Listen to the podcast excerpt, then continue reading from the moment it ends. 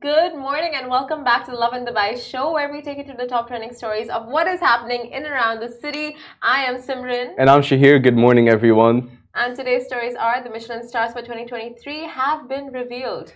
And also, Alyne, Tamir, and Nuseir uh, yes, Yassin break up after six years. Quite tragic. And we'll also be talking about Umar Kamani breaks in other Dubai land records. So a lot of fun stories lined up for you for this morning. Mm-hmm. Before that, Shahir just, you know, uh, brought up a topic before the show. Yeah. Like it's so interesting. So I said, Simran, I really like that your hair went black. And you said, but you actually, I don't trust anything you say. And I was like, no, Simran, I really like it. I would have said otherwise. And yeah, she, because you said he said the same thing to me when I last colored my hair. when you was, cut your hair, and I really liked it. it was the worst thing I had done to myself, cutting it and coloring it and that balayage and all those things. Like it was just not my vibe. Yeah. And Shahir's like, yeah, you look so good. So good. That's amazing. Yeah. Yeah. So now it's like, do I know if he's legit or is he just saying it No, to be nice? I actually did like it when you last dyed your hair as well. You didn't. Okay, that's the difference. But yeah, I brought up the question. So when someone comes up to you and they're like, "Do you like what I did?" Like, my lips are bigger. are they nice? Or I cut my hair. I have a pixie cut. Like, what do you say? yeah, tried out a different shave, uh, eyelash extensions, like any Mm-hmm. Yeah. any of the what do you say You know, just self care. Yeah, yeah, just stuff. like giving. enhancements or whatever it is. It's like, yeah, do you lie or do you give them like a very candid and honest, brutally honest response? I think you have to be brutally honest. Like, you have to be cruel to be kind. But You're. it's like they've already gotten it done, right? They can't go back. They can't reverse it. So do you just go ahead, lie, and make them feel comfortable? You should have listened to me the first time when I said don't go ahead with it. Mm-hmm. Now it's completely your fault. It's in your hands now. So I you're did- gonna be brutally honest about Yeah, it. you have to. Like, you're gonna live the rest of your life thinking that that's a good hair color on you and do You're it again. Tell someone they look like trash. no, no, I won't say it like that. It. I'll say, how do you really feel about it? Do you really, really like it? You know, reverse psychology. Like, are you sure that's the best color you could have gone with? You know, are you sure you want your lips that size? Are you sure you want your So you're gonna make the person really doubt the work exactly, done, exactly. and just like have the person themselves come to the conclusion that it is bad. Or I, I'll go like, I like your lips smaller, you know, or I don't like the color green I guess you. if it's like really bad, you you cannot just like sugarcoat it, right? If it's like Yeah. really bad, The done, initial reactions, Yeah. you know, like turn around. Okay, let's say you dyed your hair. Uh, Turn Okay, around, fine. okay, and I'm seeing it for the first time, or like you got your lips done. hair? No, it's really good. Okay, No, like, yeah, I'm so convinced. That's the thing. I have that shocked face. I do have that initial shocked face. So I think that's what led me to be an honest person. It's not that I want to be brutally honest. I almost have no choice. My body, my body's a tell already. Yeah, I guess so. With you, that's sort of true. Yeah. But how do you guys deal with these kind of people? What would you situations? do? Would you lie to them? Because it's See, wrong. I think we're both on the same page about this. If it is so, so, so, so, so, so bad that this person needs to go back and get it fixed, you just have to be honest. You just have to be super brutally honest. Mhm. But I think if you really love and care about the person, you would anyway be honest with them because you don't want them suffering through life. Like you'd want to get them to go back. yeah, you're doing them a favor. You have to be cruel to be kind. But at the same time, if it's like not reversible, you know they have to live with it. You know they have to. But in what cases It. would it be non-reversible or unreversible? Uh, like for example, for example, you have Like you can. re- your okay. You get a really short haircut. How do you reverse that? Oh yeah, you're so right. And then the awkward phase, good luck.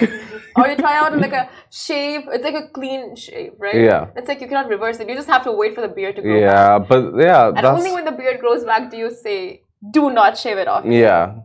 You're fully right. I think that's the worst case because anything that you get surgically done, you can almost undo. Almost. Almost. Like a bad tattoo. Like what do you do with that? What do you do with that? But I think at times life throws you these lessons, Hmm. And the lesson, for the most part, almost is listen to Shahir because he's right. you know? of course, uh, back on that. no, but like as uh, like your friend group, if everyone is saying, "Hey, no, better not," what are you gonna do? But Shahir, honestly, the worst thing that you can do to yourself is get a bad tattoo. Yeah, for sure. That is like. Yeah. that yeah, that you fully cannot. Well, you can still get it removed, you but it's can, gonna it's cost ten times. Yeah. Exactly. Um. Anyway. Whatever. So in those cases, you just go like, "That looks amazing, sweetie." You're doing great, sweetie. Yeah. Oh yeah. We're on the same page about this. Uh, let us know your thoughts, by the way, you guys. Uh, we'll start our first story. Move on. We'll start. Move on to our first story. the Michelin stars for 2023 have been revealed. Super exciting. Uh, it was a big, big day for the F&B industry last night and the highly anticipated Michelin Guide Dubai 2023 has been unveiled, and the star-studded list and the culinary capital of the Middle East did not disappoint, showcasing its vibrant and diverse food scene that continues to captivate both locals from globetrot and globetrotters alike. Now, from innovative creations to timeless classics, this year's selection is a feast for the senses. Good one. Good one. Thank you. And the Michelin Guide Dubai announced its prestigious list at a dazzling press conference held at the iconic Atlantis Royal. And the great enthusiasm, uh, enthusiasm Issam Kazim, the chef executive of the Dubai Department of Tourism and Commerce Marketing, emphasized Dubai's culinary prowess, describing it as a city that boasts an array of flavors and stands as one of the world's most sought after destinations. Now, leading the pack, Trèsind Studio earned well deserved acclaim, soaring to new heights uh, with a remarkable achievement of two Michelin stars. A big That's congratulations. insane. Congrats. So, this extraordinary accomplishment reflects their commitment to using top quality ingredients and crafting dishes that tantalize the taste buds with uh, distinct flavors. Chef Akmal Anur, uh, the mastermind behind the sensation 11 Woodfire, expressed his delight at the restaurant's one year anniversary and how their culinary voice evolved, showcasing their dedication to delivering excellence to their patrons.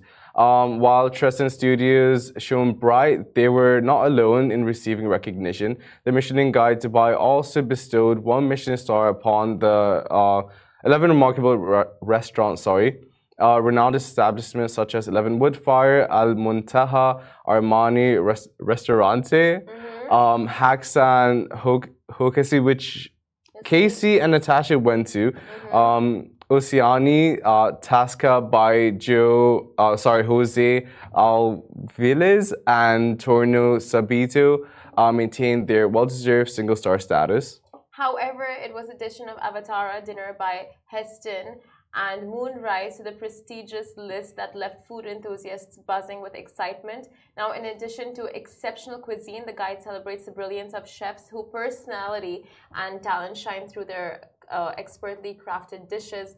And among the remarkable few to secure two Michelin stars were uh, two Ristorante Niko Romito and uh, Stay by Yannick, solidifying their well-deserved status, and notably Trèsind Studios' uh, meteoric rise from one star to two further attests to the remarkable journey they have embarked upon. So, along the star spangled lineup, the Michelin Guide Dubai introduced three outstanding new entrants to its Bib Gourmand category, which showcases value for money gems.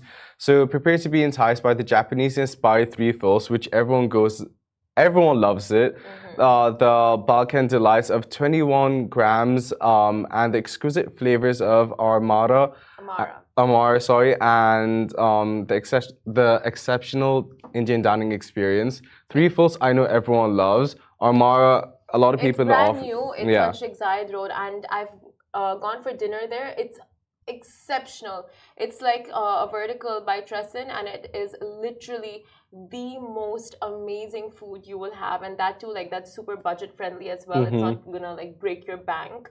It's yeah. very much in the middle there, but it's fine dining as well.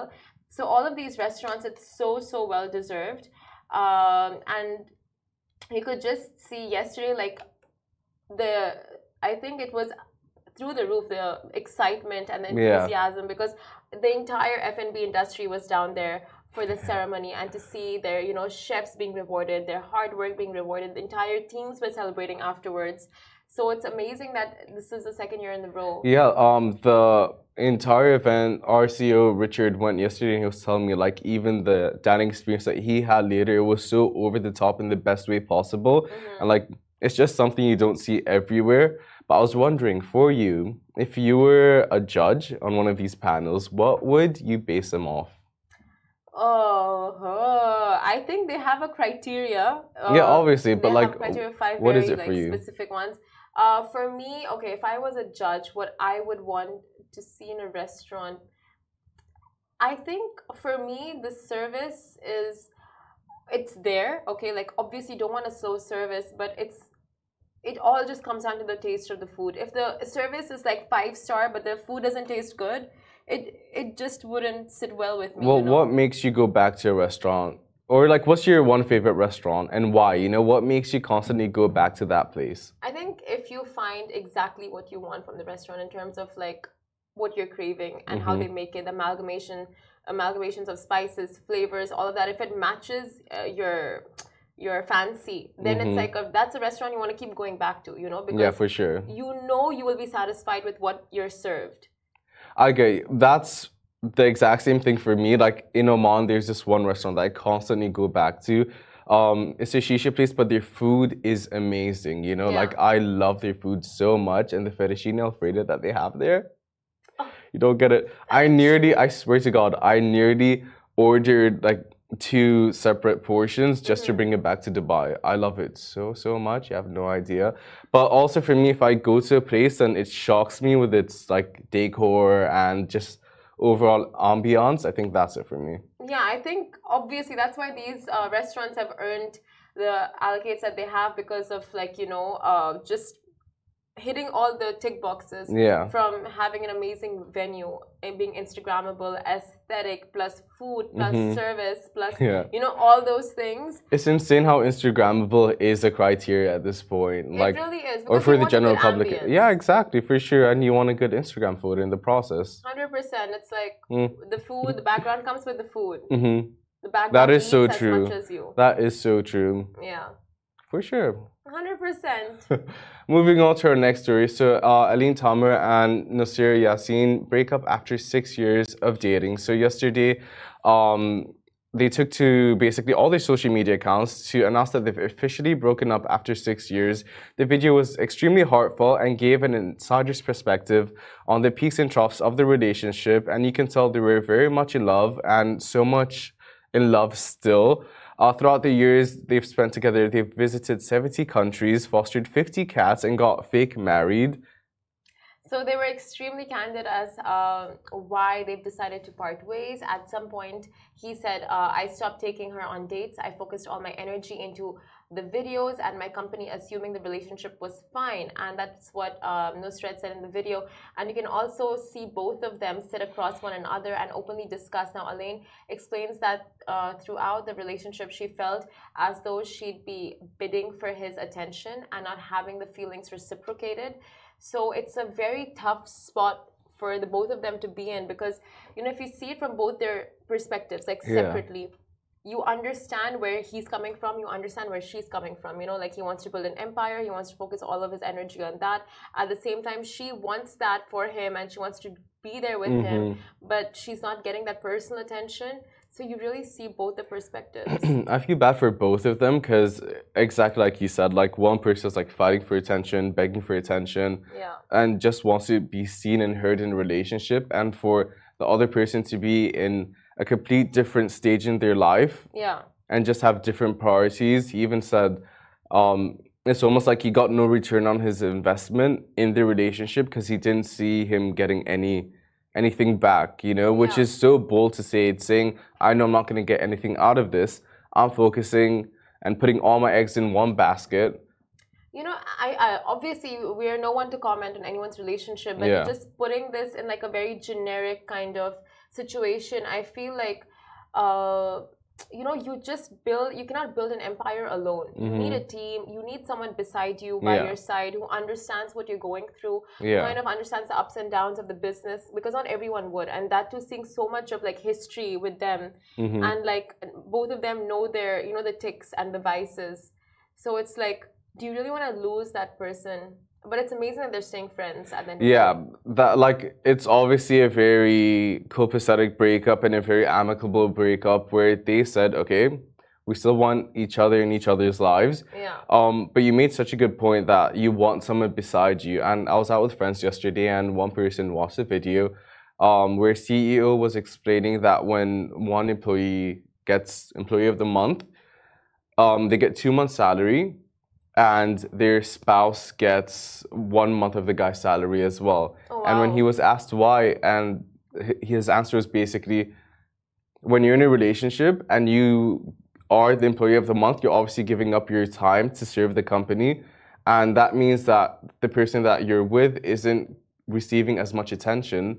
So they deserve that money as well because they're That's- giving something up on your behalf. That's actually so insightful of the CEO to do so. Yeah. fully. Because not only is that person giving up the time, but that then you have the spouses rooting for each other, you know, wanting each other to do well, to do better. Exactly. And it's not because of like, at the end of the day, incentives do come a little into play, Mhm. of course, but at the same time, it's just like, you know, like you both benefit from this and you both get something out of it. So it's like a very insightful thing. Obviously, it can go wrong. Like Yeah, ev- for in every situation, so many things can go wrong.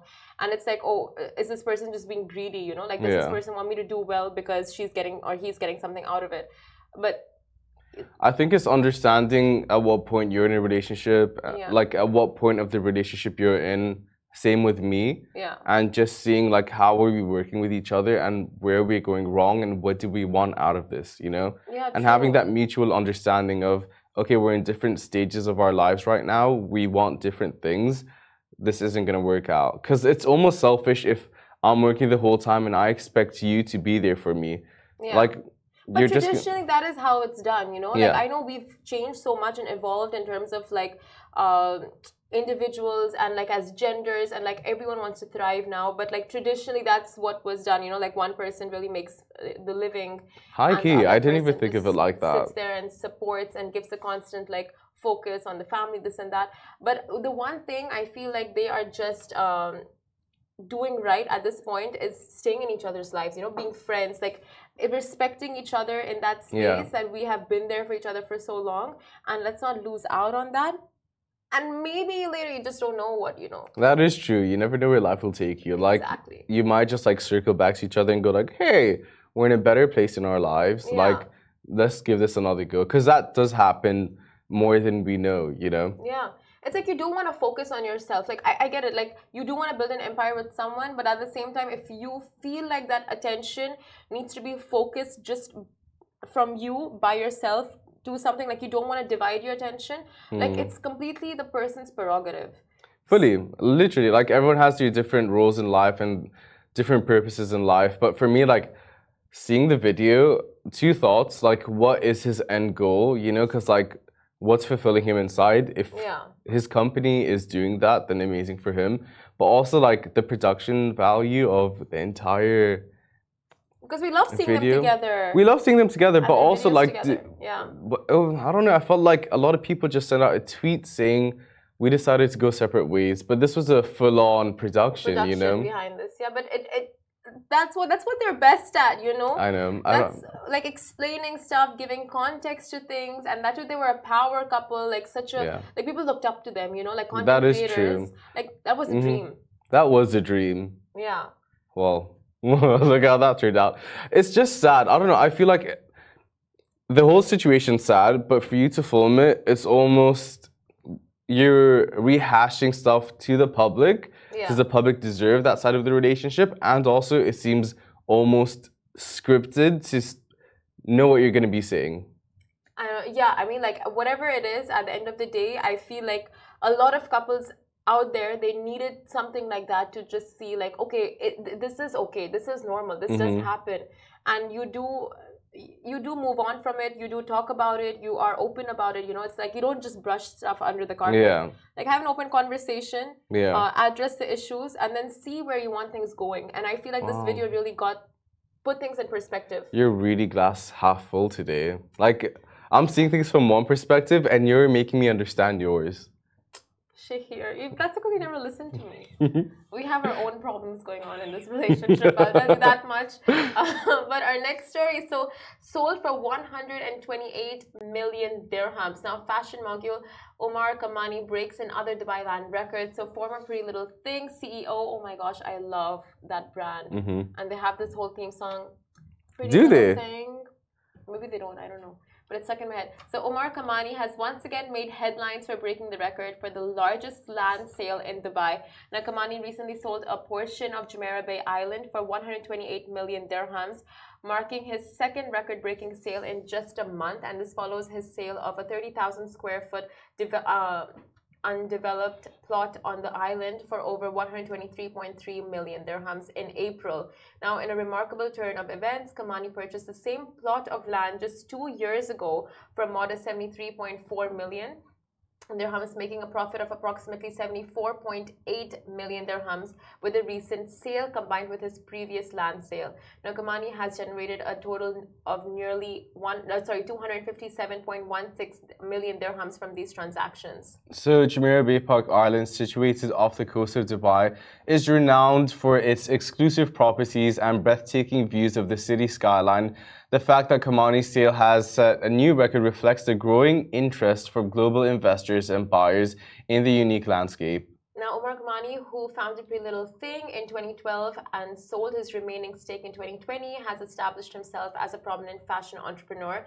And at the age of 35, he acquired the plot of land on Jumeirah Bay Island uh, in 2017 for $8 million and recently sold it to an undisclosed buyer for $34 million, like we mentioned before.